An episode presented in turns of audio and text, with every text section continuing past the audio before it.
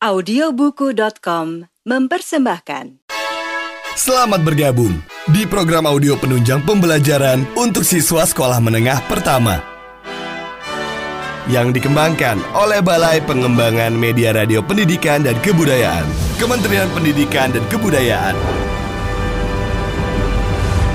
Selamat mendengarkan. Pembuka Sahabat pintar, selamat jumpa lagi dengan Balai Pengembangan Media Radio Pendidikan dan Kebudayaan Kementerian Pendidikan dan Kebudayaan Indonesia. Kali ini mempersembahkan buku audio atau audiobook dengan judul Getaran dan Gelombang. Materi ini merupakan bagian dari mata pelajaran IPA bagi siswa kelas 8 SMP pada semester 2. Sahabat pintar, setelah mengikuti audiobook ini, diharapkan kalian dapat mengamati fenomena getaran ayunan, menjelaskan besaran-besaran pada gelombang, mengukur periode dan frekuensi getaran, dan menjelaskan jenis-jenis gelombang. Nah, sahabat pintar, mari kita ikuti sajian selengkapnya. Pengantar Sahabat pintar, pernahkah kamu datang ke sebuah stasiun radio?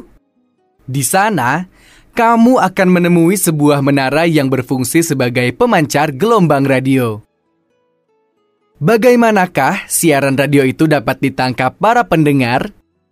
Seiring dengan perkembangan teknologi, maka makin banyak satelit-satelit buatan yang diluncurkan ke stasiun luar angkasa untuk mengembangkan komunikasi. Bagaimana peran satelit dalam membantu komunikasi? Pada pelajaran ini, akan kita pahami bersama konsep dan penerapan getaran dan gelombang dalam kehidupan sehari-hari. Selain itu, kita juga dapat mempelajari konsep bunyi. Sahabat pintar, selamat mempelajari. Getaran Untuk memahami lebih lanjut mengenai getaran, Mari kita perhatikan uraian berikut. Jika kamu pernah berada di stasiun kereta api, ketika kereta api datang atau lewat, kamu akan merasakan tanah yang kamu injak terasa bergetar. Getaran juga terjadi pada kaca-kaca jendela rumah ketika terjadi guntur yang kuat. Bunyi yang disebabkan guntur tersebut mampu menggentarkan benda-benda seperti kaca jendela. Bahkan, Getaran sangat kuat yang terjadi dari ledakan sebuah bom mampu merobohkan gedung-gedung. Contoh lain peristiwa gerakan yang sering kita cermati adalah getaran pada bandul jam dinding. Contoh-contoh tadi merupakan contoh-contoh getaran. Bagaimana getaran menurut ilmu fisika? Untuk memahami getaran, lakukan kegiatan berikut. Coba dengarkan suara getaran bandul jam dinding berikut.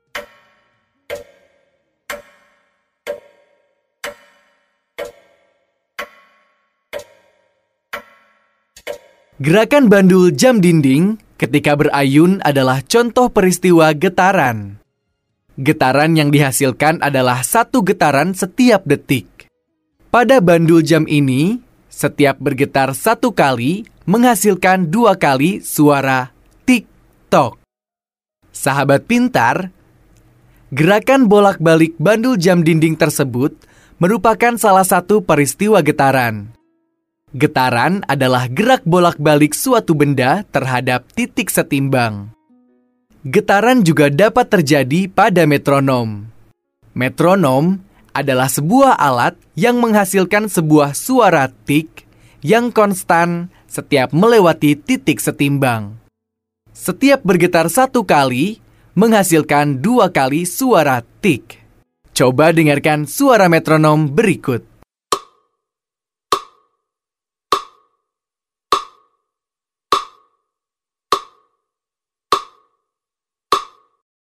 Sekarang, coba hitunglah berapa banyaknya getaran yang terjadi pada getaran metronom berikut.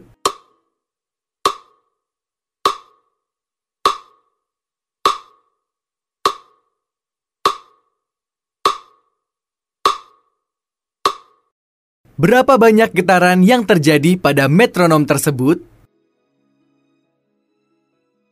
Ya, Metronom tersebut telah bergetar sebanyak lima kali karena menghasilkan suara tik sebanyak 10 kali.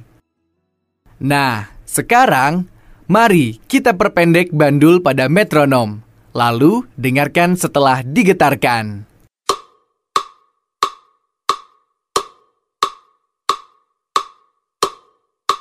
Berapa banyak getaran tersebut? Apakah sama dengan getaran yang pertama? Sahabat pintar, peristiwa pada metronom maupun pada bandul jam dinding sama dengan peristiwa pada getaran ayunan pada tali. Getaran pada tali dapat dibuat sendiri dengan mudah, tetapi tidak menghasilkan suara. Jika kita ayunkan getaran pada tali yang diberi bandul beban, jika simpangan pertama kita beri nama A, titik setimbang kita beri nama B, dan simpangan kedua kita beri nama C. Maka, ayunan tali akan bergetar dengan membentuk lintasan A, B, C, B, A, B, C, B, A, dan seterusnya. Ayunan bergetar satu kali jika menempuh lintasan A, B, C, B, A, atau sebaliknya C, B, A, B, C, atau B, C, B, A, B. Sahabat pintar, pada getaran dikenal beberapa besaran. Besaran-besaran tersebut antara lain frekuensi, periode, dan amplitudo. Mari kita pahami satu persatu. Frekuensi Frekuensi adalah banyaknya getaran yang terjadi setiap sekon. Misalnya, getaran metronom tadi. Jika dalam 10 detik metronom bergetar sebanyak 20 kali, maka frekuensi getaran metronom tersebut adalah 20 kali dalam 10 detik. Artinya, setiap detik menghasilkan getaran sebanyak dua kali. Getaran dua kali dalam satu detik disebut 2 Hz. Jika dirumuskan, frekuensi adalah banyaknya getaran atau N dibagi waktu untuk bergetar atau T. Jadi, F sama dengan N dibagi T. Satuan frekuensi adalah Hertz yang sering disingkat HZ. Periode Sahabat pintar, periode adalah waktu yang diperlukan untuk melakukan satu kali getaran. Jadi, jika bandul pada ayunan tali menempuh lintasan A, B, C, B, A dalam waktu setengah sekon, artinya periode getaran tersebut adalah setengah sekon. Coba hitunglah periode getaran berikut.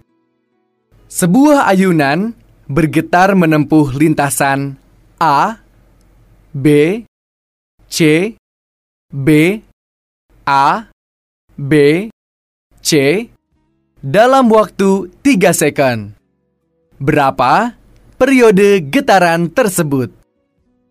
Sahabat pintar, lintasan A, B, C, B, A, B, C adalah 1,5 getaran. Waktu tempuhnya 3 second. Periode getaran dapat kita hitung dengan membagi waktu dengan banyaknya getaran. Maka, periode getaran tersebut adalah 3 sekon dibagi 1,5 getaran. Berarti, periodenya adalah 2 sekon. Amplitudo Sahabat pintar, pada saat kita menggetarkan ayunan pada tali, seperti yang sudah kita pelajari, Kedudukan bandul setiap saat berubah-ubah. Dengan demikian, simpangnya pun berubah pula. Pada saat batu berada di titik A atau C, simpangannya merupakan simpangan maksimum. Sedangkan pada saat batu berada di titik kesetimbangan, yaitu titik B, simpangannya minimum, yaitu sama dengan nol. Amplitudo didefinisikan sebagai simpangan getaran paling besar. Dalam hal ini, amplitudo adalah jarak dari titik setimbang sampai dengan simpangan terbesar. Jadi, amplitudonya adalah jarak B A atau jarak BC. Sahabat pintar, pada percobaan getaran ayunan, semakin lama semakin mengecil.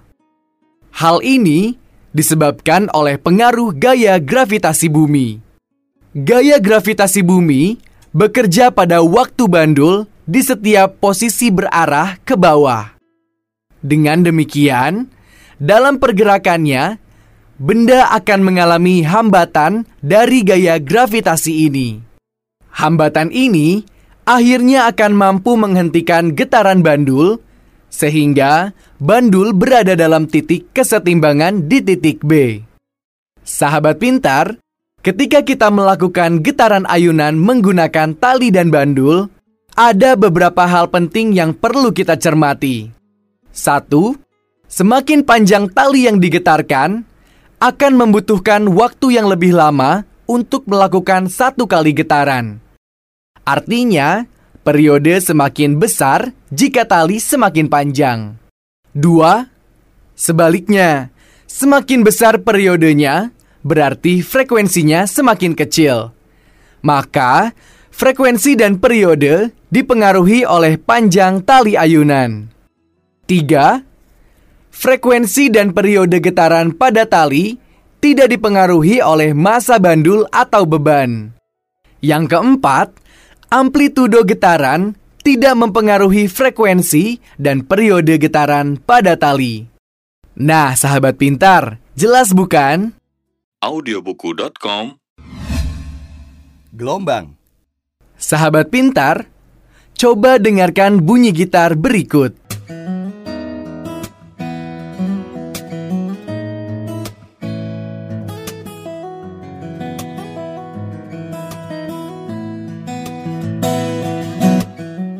Dari mana asal bunyi gitar tersebut? Tentu dari getaran dawai atau senar gitar. Bunyi yang ditimbulkan oleh dawai gitar tersebut merupakan salah satu contoh gelombang. Gelombang adalah getaran yang merambat. Pada proses perambatan, gelombang memerlukan medium. Jadi, gelombang adalah getaran yang merambat melalui sebuah medium. Perambatan gelombang merupakan perambatan energi tanpa disertai perambatan mediumnya. Bunyi dawai gitar yang tadi sudah kamu dengar merambat melalui medium udara. Sahabat pintar, berdasarkan medium perambatannya, gelombang dibedakan menjadi dua, yaitu gelombang mekanik dan gelombang elektromagnetik. Gelombang mekanik, gelombang air, gelombang bunyi, gelombang pada selingki atau pegas spiral yang terbuat dari baja pipih, dan gelombang pada tali merupakan contoh gelombang mekanik. Gelombang-gelombang ini memerlukan medium untuk dapat merambat. Air, udara, tali, selingki adalah medium yang digunakan untuk merambatkan gelombang air, gelombang bunyi, gelombang tali, dan gelombang pada selingki. Gelombang-gelombang ini ditimbulkan oleh adanya getaran mekanik. Oleh karena itu, gelombang-gelombang tersebut dikelompokkan ke dalam gelombang mekanik. Umumnya, gelombang mekanik seperti contoh tersebut dapat diamati dengan indera. Gelombang elektromagnetik Sahabat pintar, Bagaimanakah gelombang televisi dan gelombang radio dapat merambat? Atau bagaimanakah kamu dapat berbicara melalui handphone? Kamu dapat mendengar berita di radio secara langsung, misalnya liputan pertandingan sepak bola. Semua peristiwa tersebut dapat terjadi karena adanya perambatan gelombang elektromagnetik. Sebagai contoh, siaran pertandingan bola di Italia dipancarkan ke satelit bumi dan oleh satelit bumi dipancarkan kembali ke bumi. Radiomu dapat menangkap gelombang ini dan mengubahnya menjadi suara. Bagaimana gelombang elektromagnetik dapat merambat di luar angkasa ketika menuju satelit bumi? Padahal di luar angkasa merupakan ruangan hampa. Gelombang elektromagnetik dapat merambat meskipun tidak terdapat medium untuk menjalarkan gelombangnya. Contoh lain gelombang elektromagnetik adalah gelombang sinar matahari. Sinar matahari dapat sampai ke bumi meskipun antara matahari dan bumi tidak terdapat medium untuk menjalarkan gelombang. Gelombang yang dapat merambat tanpa membutuhkan medium disebut gelombang elektromagnetik. Gelombang transversal dan gelombang longitudinal. Sahabat pintar, gelombang transversal dan gelombang longitudinal termasuk gelombang mekanik. Selain membutuhkan medium untuk merambat, gelombang mempunyai arah getar dan arah rambat. Berdasarkan arah rambatnya, gelombang dibedakan menjadi dua, yaitu gelombang transversal dan gelombang longitudinal. Sahabat pintar, mari kita pelajari satu persatu. Gelombang transversal. Gelombang transversal dapat terjadi pada tali atau air. Gelombang pada tali dapat terjadi jika ujung tali digetarkan naik turun. Pada tali akan terbentuk bangun seperti bukit dan lembah. Titik tertinggi bukit gelombang disebut puncak gelombang. Sedangkan titik terendah lembah gelombang disebut dasar gelombang. Gelombang pada tali ini arah rambatannya tegak lurus dengan arah getaran tali. Gelombang ini disebut gelombang transversal. Jadi, Gelombang transversal adalah gelombang yang terdiri dari bukit dan lembah yang arah rambatannya tegak lurus dengan arah getarannya. Sahabat pintar, satu gelombang transversal terdiri dari satu bukit dan satu lembah.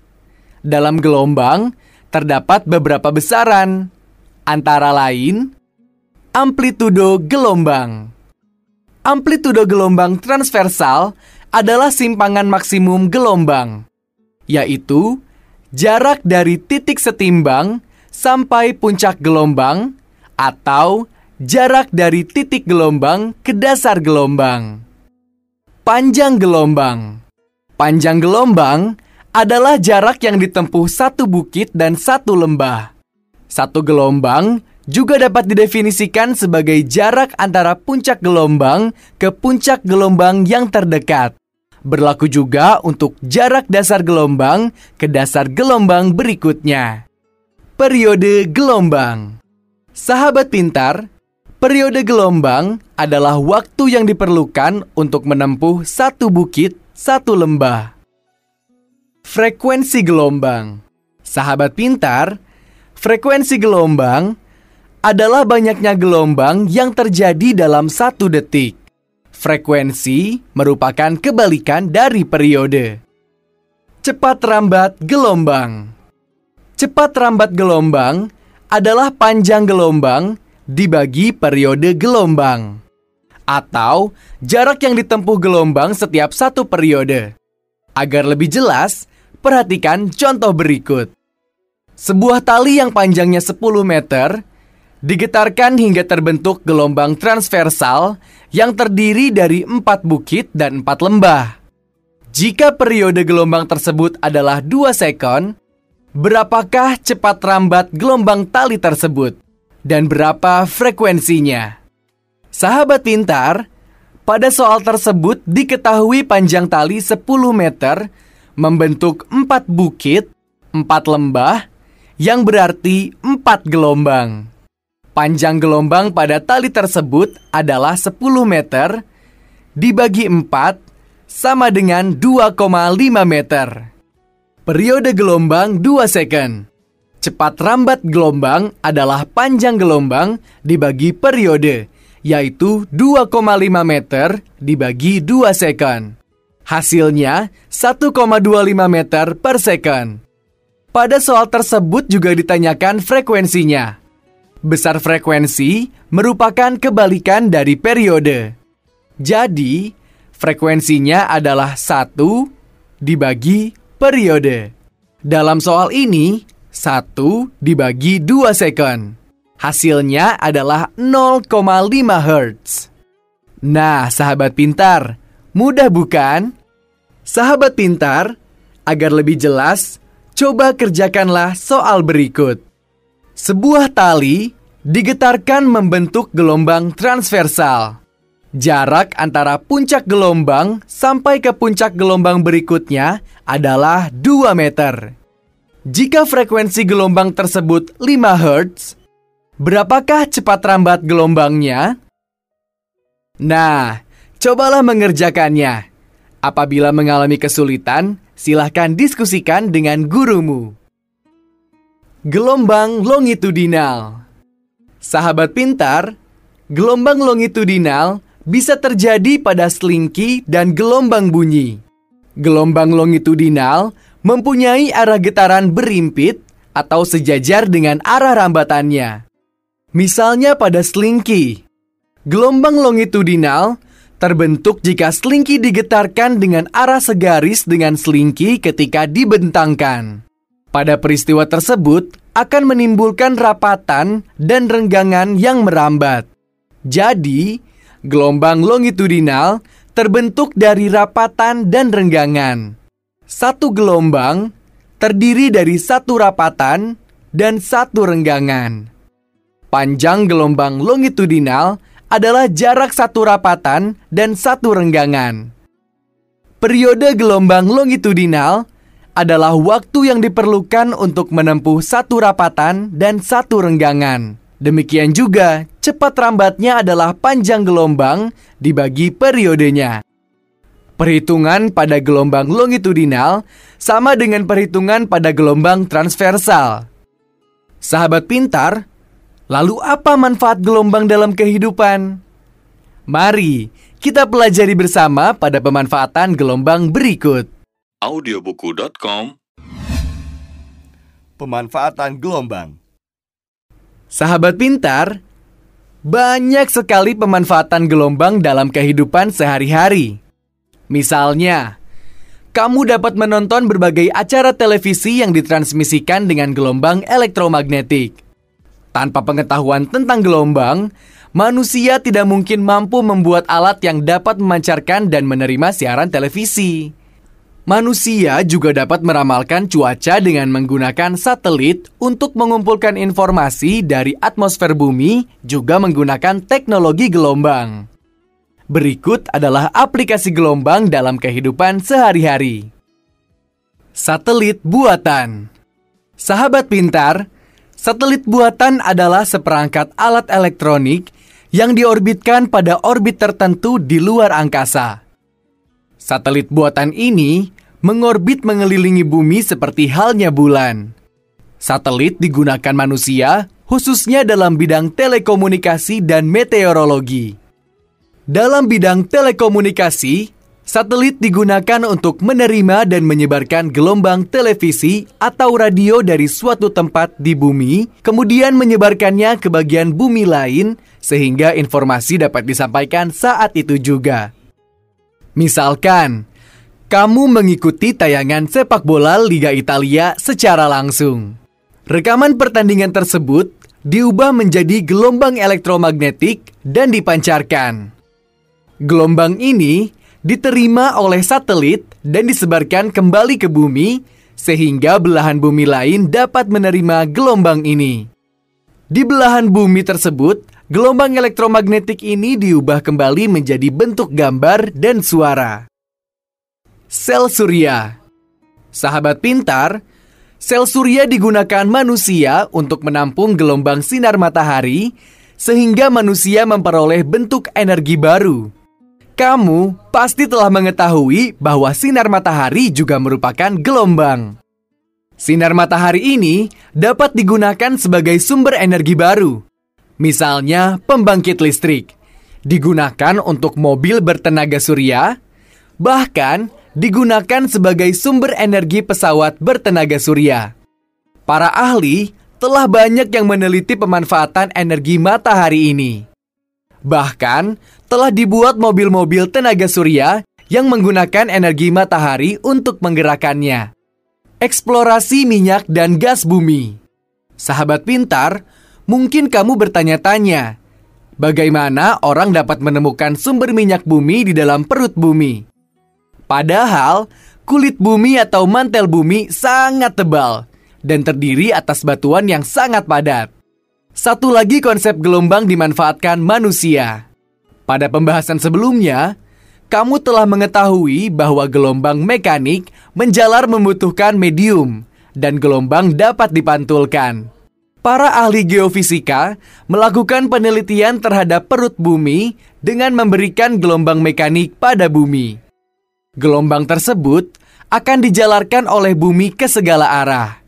Jika gelombang tersebut mengenai batuan yang mempunyai sifat elastisitas berbeda, gelombang tersebut sebagian akan dipantulkan dan sebagian akan diteruskan. Gelombang yang dipantulkan ke permukaan bumi ini diterima oleh receiver dan waktu penjalanan gelombang ini dicatat. Dari serangkaian data waktu pemantulan, Para ahli geofisika dapat memperkirakan jenis batuan yang dilalui gelombang dan memperkirakan adanya sumber minyak bumi, gas, atau mineral. Jika kamu melanjutkan studi di perguruan tinggi jurusan geofisika, kamu akan mempelajari teknik ini secara lebih mendalam.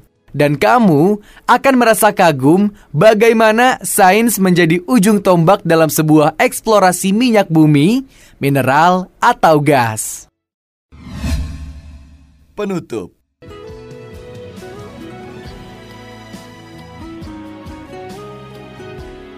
Sahabat pintar, materi getaran dan gelombang dalam buku audio ini dibuat berdasarkan referensi buku Ilmu Pengetahuan Alam SMP atau MTS kelas 8 semester 2 dengan kontributor naskah Siti Zubaidah, Susriyati Mahanal, Lia Yuliati, dan Darsono Sigit yang diterbitkan oleh Kementerian Pendidikan dan Kebudayaan tahun 2014.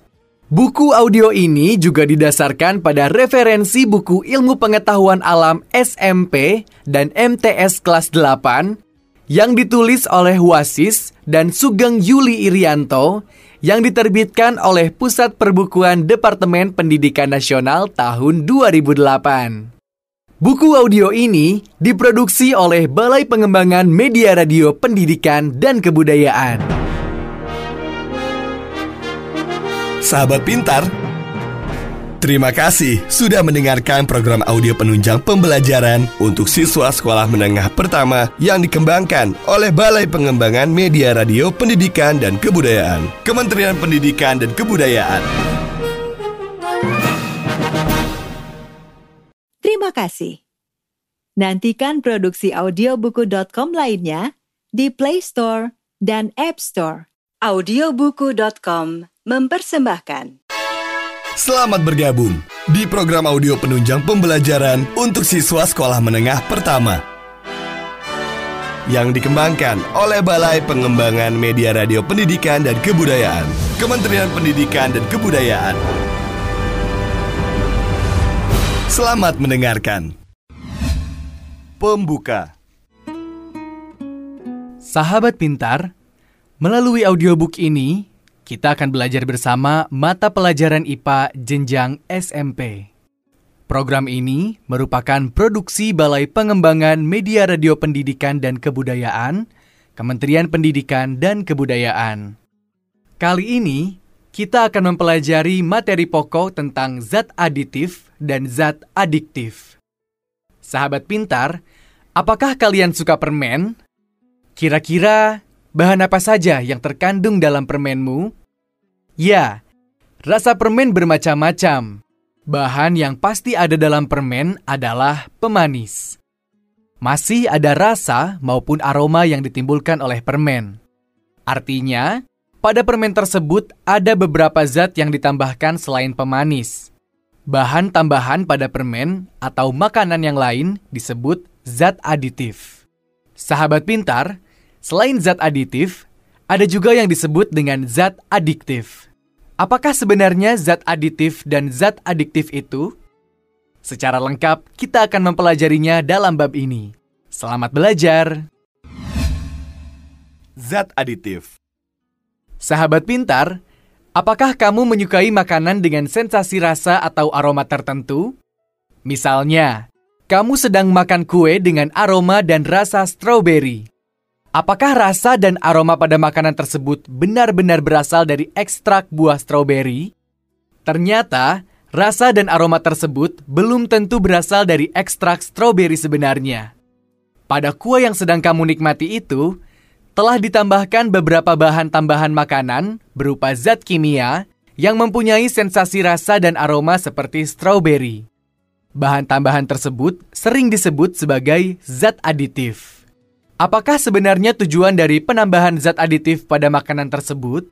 Tidak lain adalah untuk meningkatkan kualitas, kelezatan, keawetan, dan kemenarikan tampilan makanan tersebut. Selain itu, ada pula bahan yang ditambahkan pada makanan sebagai pewarna, pemutih, pengatur keasaman, penambahan zat gizi, dan anti penggumpal. Sahabat pintar, bahan tambahan makanan atau zat aditif ada yang bersifat alami, ada pula yang bersifat buatan atau sintetis. Mari kita pelajari masing-masing zat aditif tersebut. Zat aditif pewarna. Sahabat pintar, agar makanan menjadi lebih menarik, maka sering digunakan pewarna. Pewarna makanan bisa terbuat dari bahan alami maupun bahan sintetis atau tiruan. Mari kita pelajari satu persatu. Kita mulai dari pewarna alami. Pewarna alami.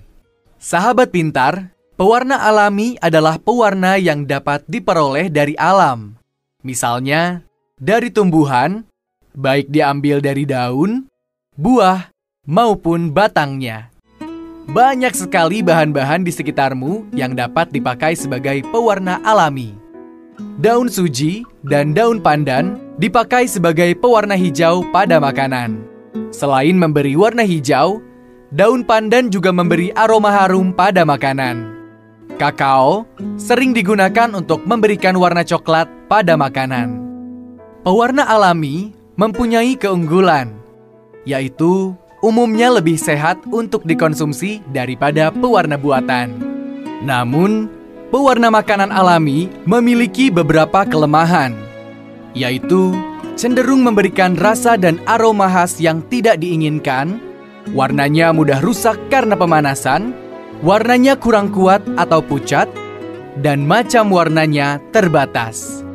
Beberapa pewarna yang sering digunakan sebagai pewarna alami antara lain buah murbei dan buah anggur sebagai pewarna biru, kunyit sebagai pewarna kuning, wortel sebagai pewarna orange, daun suji sebagai pewarna hijau, kakao dan karamel sebagai pewarna coklat, buah naga sebagai pewarna merah, dan arang sebagai pewarna hitam. Meskipun lebih banyak, arang tidak dianjurkan sebagai pewarna makanan. Pewarna sintetis atau buatan. Saat ini, sebagian besar orang lebih senang menggunakan pewarna buatan untuk membuat aneka makanan yang berwarna. Bahan pewarna buatan dipilih karena memiliki beberapa keunggulan dibanding pewarna alami, yaitu harganya murah, praktis dalam penggunaan, warnanya lebih kuat, macam warnanya lebih banyak, dan warnanya tidak rusak karena pemanasan. Penggunaan bahan pewarna buatan untuk makanan harus melalui pengujian yang ketat untuk kesehatan konsumen. Pewarna yang telah melalui pengujian keamanan dan yang diizinkan pemakaiannya untuk makanan dinamakan Certified Color with C, E, R T I F I E D and C O L O U R. Penggunaan pewarna buatan yang aman sudah begitu luas digunakan masyarakat sebagai bahan pewarna dalam produk makanan. Namun, di masyarakat masih sering ditemukan penggunaan bahan pewarna buatan yang tidak sesuai dengan peruntukannya. Contoh penggunaan pewarna sintetis yang tidak sesuai peruntukannya adalah penggunaan pewarna tekstil untuk makanan yang dapat membahayakan kesehatan konsumen. Contoh pewarna tekstil yang mudah ditemukan adalah rodamin B.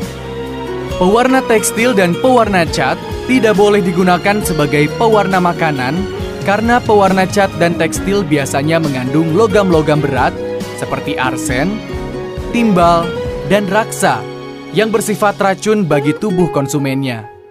Pewarna sintetis yang diizinkan antara lain sunset yellow untuk pewarna kuning, erythrosin untuk pewarna merah, hijau CFC untuk pewarna hijau, dan masih banyak yang lain. Pewarna makanan yang tidak diizinkan penggunaannya antara lain Auramin, Orange RN, Metanyl Yellow, Chocolate Brown FB, Alkenat, Orchil, dan Orkane, Oil Orange SS, Fast Yellow AB, Black 7984, dan masih banyak yang lainnya. audiobuku.com Zat aditif pemanis. Sahabat pintar, pemanis dipakai untuk menambah rasa manis yang lebih kuat pada bahan makanan. Pemanis alami yang umum dipakai adalah gula pasir, gula kelapa, gula aren, gula lontar, dan gula bit. Senyawa yang membuat rasa manis pada gula tersebut adalah sukrosa. Selain pemanis alami, ada juga beberapa pemanis buatan yang dapat menjadi alternatif untuk menambah rasa pada makanan. Pemanis buatan ini antara lain aspartam, sakarin, asesulfam kalium, dan siklamat. Pemanis alami dan pemanis buatan tidak selalu dapat dibedakan oleh lidah kamu, terutama oleh orang-orang yang tidak terlalu peka dengan rasa pemanis buatan. Pemanis buatan merupakan produk pangan yang menimbulkan rasa manis seperti gula pada umumnya, namun rendah kalori. Pemanis buatan diproduksi untuk dikonsumsi orang yang ingin mengurangi asupan gula tinggi kalori, namun tetap terasa manis, khususnya bagi penderita kencing manis. Berikut adalah contoh pemanis buatan yang dapat ditemukan di pasaran. Aspartam Pernahkah kamu minum teh atau minuman lain yang diberi pemanis dari gula jagung? Gula jagung mengandung aspartam. Aspartam adalah jenis gula rendah kalori, yaitu sekitar 4 kilokalori yang setara dengan 4000 kalori atau 16.800 joule per gram. Walaupun aspartam adalah jenis gula rendah kalori, tingkat kemanisannya mencapai 160 sampai 200 kali dari tingkat kemanisan gula pasir. Keunggulan lain aspartam antara lain rasa manisnya mirip gula, tanpa rasa pahit, dan tidak merusak gigi. Penggunaan aspartam pada makanan atau minuman telah disetujui oleh Badan Pengawasan Obat dan Makanan Indonesia atau BPOM. Sakarin Sakarin adalah pemanis buatan yang tidak berkalori. Sakarin dibuat dari garam natrium. Asam sakarin berbentuk bubuk kristal putih, tidak berbau, dan mempunyai rasa sangat manis. Sakarin mempunyai tingkat kemanisan 200 hingga 500 kali dari rasa manis sukrosa atau gula pasir. Sakarin dan aspartam sering digunakan di industri minuman kaleng atau kemasan. Keunggulan sakarin yaitu tidak bereaksi dengan bahan makanan, sehingga makanan yang ditambah dengan sakarin tidak mengalami kerusakan dan harganya murah. Kelemahan sakarin adalah mudah rusak bila dipanaskan, sehingga mengurangi tingkat kemanisannya. Selain itu, sakarin kerap kali menimbulkan rasa pahit. Penggunaan sakarin yang berlebihan dapat membahayakan kesehatan tubuh manusia misalnya menimbulkan kanker. Pemakaian pemanis buatan di Indonesia diatur oleh Peraturan Menteri Kesehatan Republik Indonesia Nomor 208 garis miring Menkes garis miring per garis miring 1V garis miring 85 tentang pemanis buatan dan Peraturan Menteri Kesehatan Republik Indonesia Nomor 722 garis miring Menkes garis miring per garis miring 1X garis miring 88 tentang bahan tambahan pangan.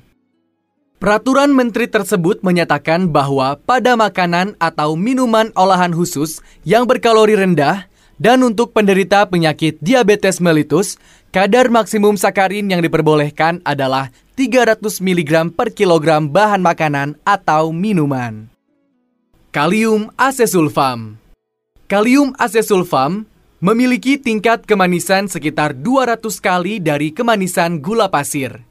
Kelebihan kalium asesulfam adalah mempunyai sifat stabil pada pemanasan dan tidak mengandung kalori. Siklamat Siklamat merupakan pemanis buatan yang diizinkan untuk digunakan pada produk makanan dan minuman dengan dosis yang telah ditetapkan oleh Badan Pengawasan Obat dan Makanan. Siklamat merupakan garam natrium dari asam siklamat. Siklamat memiliki tingkat kemanisan sekitar 30 kali dari rasa manis gula pasir. Siklamat memberikan rasa manis tanpa menimbulkan rasa pahit, sehingga pemanis ini banyak dipakai oleh masyarakat. Pemanis ini tidak dimetabolisme oleh tubuh manusia, sehingga siklamat yang ditambahkan pada makanan tidak memberikan suplai energi bagi tubuh manusia. Penggunaan siklamat secara berlebihan dapat mengganggu kesehatan. Pada dosis berlebih, siklamat dapat memicu munculnya kanker kandung kemih, mutasi, dan cacat lahir. Menurut Peraturan Menteri Kesehatan Republik Indonesia Nomor 722 garis miring Menkes. Garis miring per. Garis miring 1X garis miring 88 kadar maksimum asam siklamat yang diperbolehkan dalam makanan berkalori rendah. Dan untuk penderita diabetes mellitus adalah 3 gram per kilogram bahan makanan atau minuman. Menurut Badan Kesehatan Dunia atau WHO, Piccolo 210211 batas konsumsi harian siklamat yang aman adalah 11 mg per kilogram berat badan. audiobuku.com Zat aditif pengawet. Sahabat pintar, apa yang terjadi jika kita membiarkan makanan di atas meja sampai beberapa hari? Tentu di antara makanan-makanan tersebut ada yang membusuk dengan cepat dan ada juga yang masih tahan untuk beberapa hari. Keawetan pada makanan sangat dipengaruhi oleh bahan pengawet yang digunakannya. Makanan yang tidak menggunakan pengawet pasti akan membusuk lebih cepat dibandingkan makanan yang berpengawet. Mengapa makanan perlu diberi pengawet? Makanan yang tidak diberi pengawet biasanya cepat membusuk karena mikroba yang hidup dalam makanan tersebut akan menimbulkan reaksi kimia, sehingga mengubah struktur kimia makanan tersebut. Tujuan dari pengawetan makanan adalah untuk mempertahankan kondisi lingkungan pada bahan makanan, untuk mencegah perkembangan mikroorganisme atau mencegah terjadinya reaksi kimia tertentu yang tidak diinginkan dalam makanan. Berikut ini beberapa hal yang menyebabkan kerusakan pada bahan pangan. A. Kerusakan bahan pangan karena pertumbuhan mikroba seperti jamur atau bakteri. Makanan yang telah terkena mikroba akan menimbulkan bahaya jika dikonsumsi, karena mikroba tersebut ada yang menghasilkan racun. Kerusakan makanan akibat mikroba disebut kerusakan mikrobiologi. B. Kerusakan bahan pangan yang disebabkan oleh benturan atau tertekan dan jatuh. Kerusakan bahan pangan ini disebut kerusakan mekanis. C. Kerusakan bahan pangan karena proses fisik. Kerusakan makanan secara fisik antara lain karena penyimpanan dalam gudang yang lembab, pendinginan, atau pemanasan. Kerusakan bahan pangan ini disebut kerusakan fisik. D. Kerusakan bahan pangan oleh serangga dan tikus. Kerusakan ini disebut kerusakan biologis. Kerusakan biologis juga dapat disebabkan pematangan yang dilakukan oleh enzim yang terdapat pada bahan itu sendiri. Contoh kerusakan biologis adalah kerusakan atau pembusukan pada buah dan sayur. E. Kerusakan karena reaksi kimia antar senyawa dalam makanan atau reaksi kimia dengan lingkungan penyimpanan. Contohnya, minyak yang berbau tengik disebut kerusakan kimiawi. Daya tahan bahan makanan dapat diperpanjang melalui pengawetan bahan pangan. Pengawetan bahan makanan dapat dilakukan secara fisik, kimia, dan biologi. Pengawetan bahan makanan secara fisik dapat dilakukan dengan beberapa cara, yaitu pemanasan, pendinginan, pembekuan, pengasapan, pengalengan, pengeringan, dan penyinaran. Pengawetan secara biologis dapat dilakukan dengan fermentasi atau peragian dan penambahan enzim. Misalnya, enzim papain dan enzim bromelin. Pengawetan secara kimia dapat dilakukan dengan penambahan bahan pengawet yang diizinkan. Contoh bahan makanan yang diizinkan oleh Badan Pengawasan Obat dan Makanan antara lain asam benzoat, kalsium benzoat, asam propionat, kalsium propionat, asam sorbat, belerang dioksida, natrium nitrat, kalium nitrat, dan masih banyak lagi. Zat aditif penyedap makanan. Sahabat pintar, Pernahkah kamu membedakan rasa makanan yang menggunakan penyedap atau tidak? Misalnya, pada saat menikmati sup yang disajikan, apakah kamu bisa membedakan kuah sup tersebut berasal dari kaldu daging sapi atau berasal dari bahan tambahan penyedap rasa kaldu sapi? Sulit dibedakan, bukan? Penyedap makanan adalah bahan tambahan makanan yang tidak menambah nilai gizi. Penyedap makanan digunakan sebagai penguat rasa protein, penurun rasa amis pada ikan, dan penguat aroma buah-buahan. Mari kita pelajari beberapa contoh penyedap makanan berikut. A. Penyedap rasa. Penyedap rasa adalah bahan tambahan makanan yang digunakan untuk meningkatkan cita rasa makanan.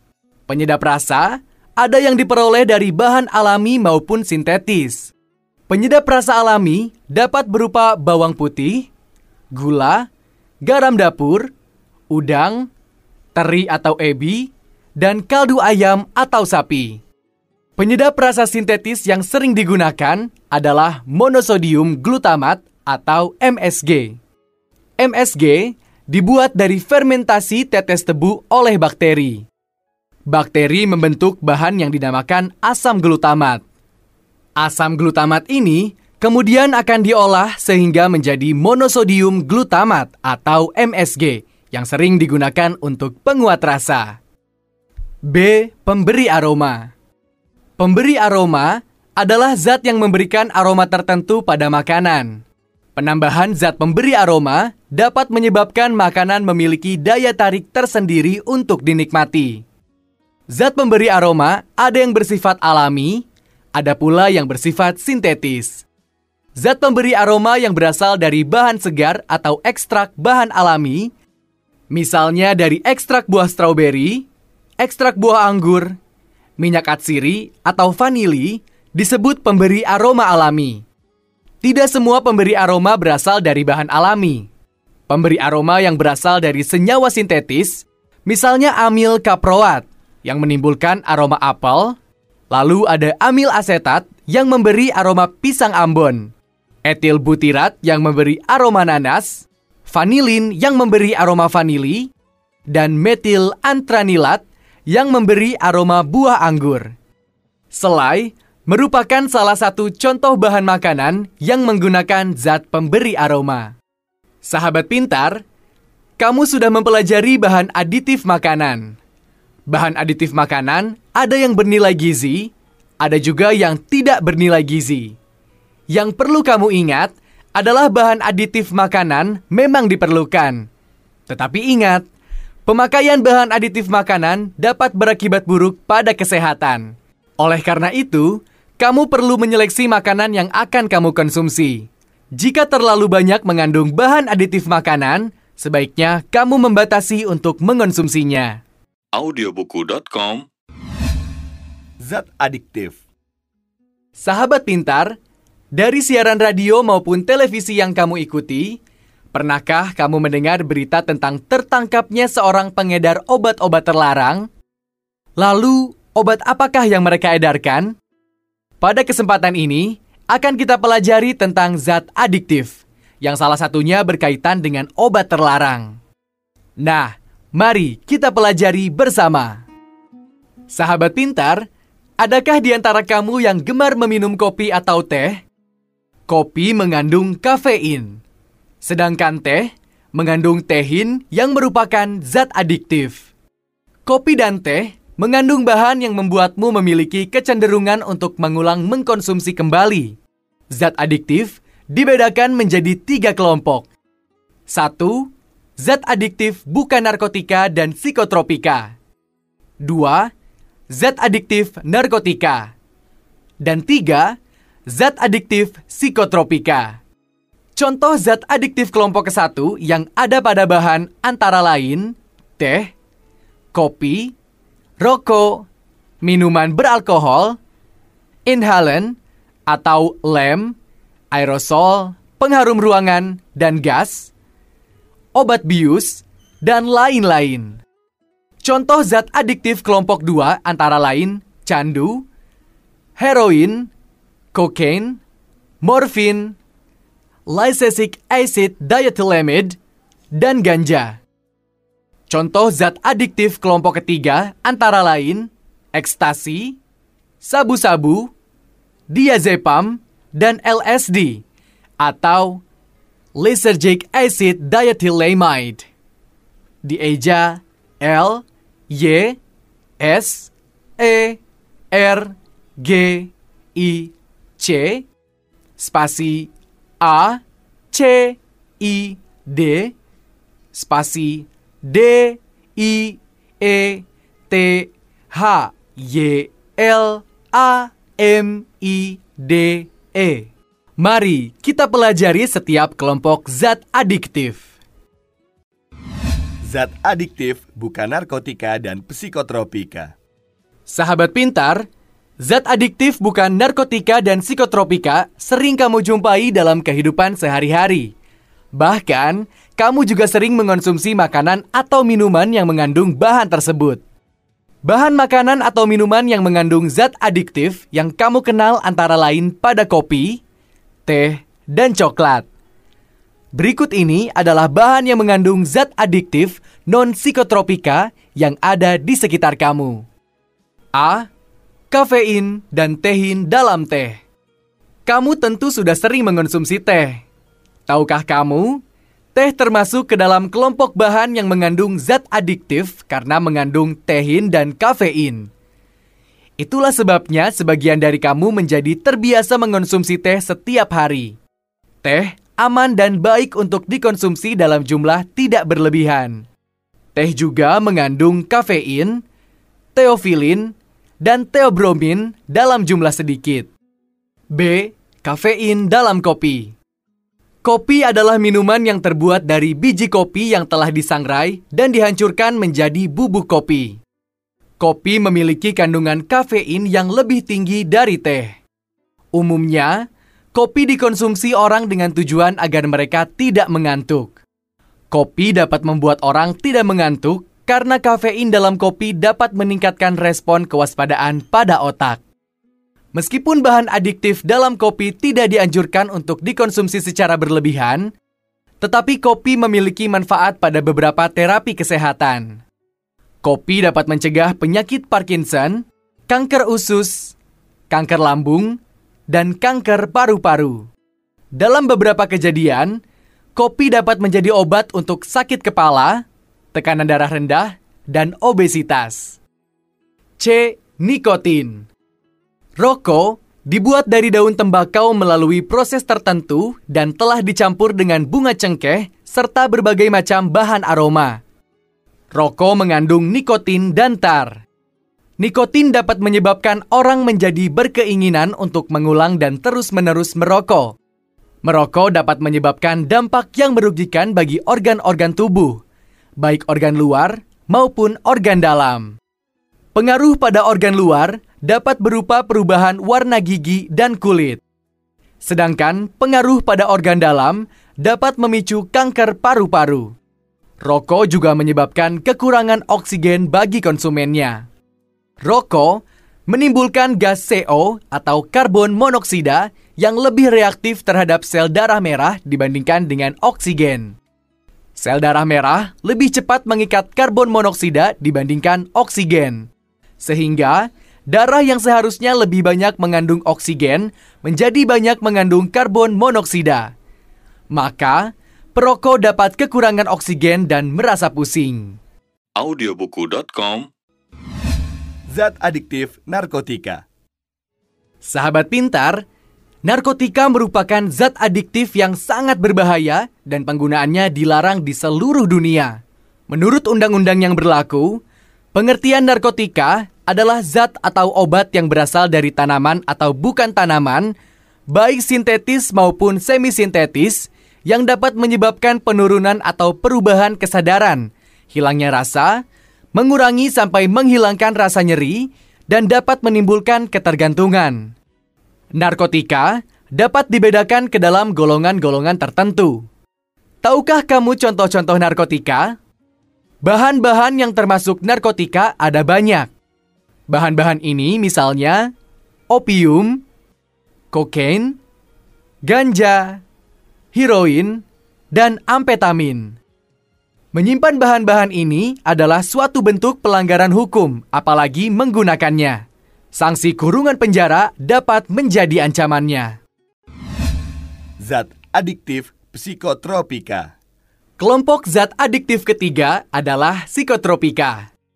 Psikotropika merupakan zat atau obat, baik alamiah maupun sintetis, yang bukan merupakan narkotika, yang berhasiat psikoaktif, berpengaruh selektif pada saraf pusat yang menyebabkan perubahan khas pada aktivitas mental dan perilaku seseorang.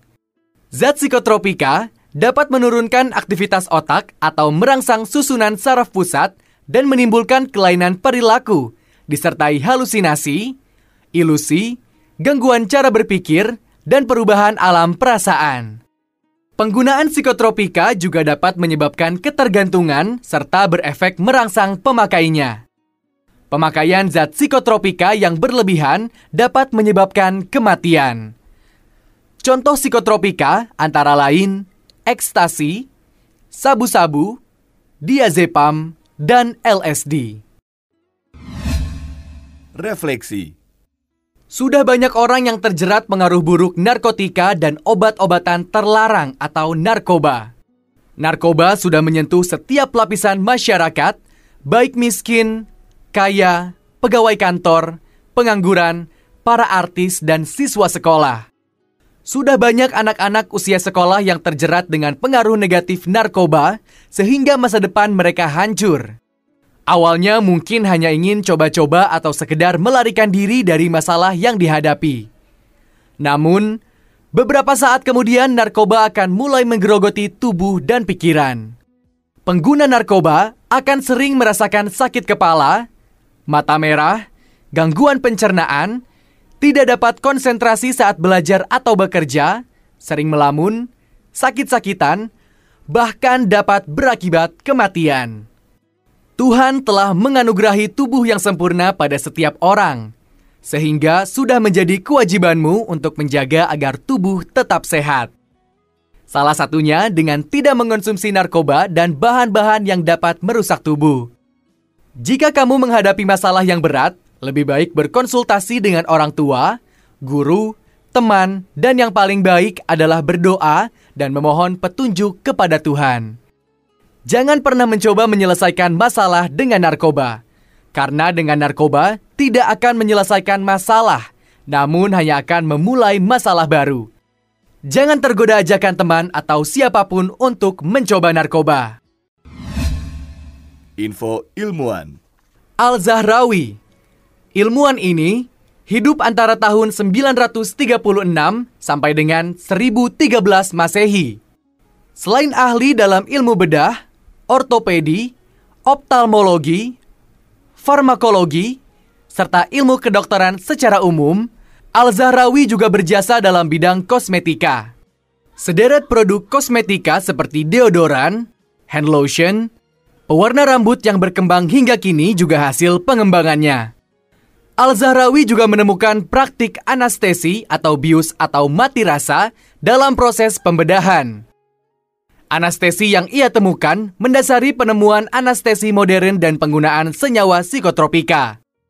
Pada zaman itu, sebelum melaksanakan operasi, Al-Zahrawi memberikan si pasien suatu obat bius yang terbuat dari tumbuhan, sehingga ia tidak sadar. Psikotropika yang dikenal pada waktu itu adalah opium. Kemudian, Friedrich Wilhelm Adam Serturner yang hidup tahun 1783 sampai dengan 1841 Masehi mengisolasi morfin dari getah buah Papaver somniferum. Morfin merupakan narkotika yang diisolasi dari opium, yang dikenal juga dengan sebutan candu, heroin, dan putau. Opium mengandung lebih dari 20 macam senyawa.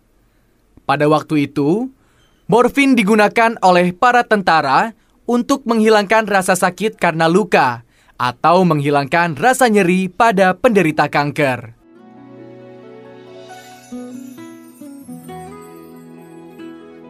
Sahabat pintar, materi zat aditif dan zat adiktif dalam buku audio ini dibuat berdasarkan referensi buku ilmu pengetahuan alam kelas 8 SMP semester 1 yang ditulis oleh Siti Zubaidah, Susriyati Mahanal, Lia Yuliati, dan Darsono Sigit. Buku ini diterbitkan oleh Kementerian Pendidikan dan Kebudayaan pada tahun 2014. Sahabat pintar, terima kasih sudah mendengarkan program audio penunjang pembelajaran untuk siswa sekolah menengah pertama yang dikembangkan oleh Balai Pengembangan Media Radio Pendidikan dan Kebudayaan, Kementerian Pendidikan dan Kebudayaan. Terima kasih. Nantikan produksi audiobuku.com lainnya di Play Store dan App Store.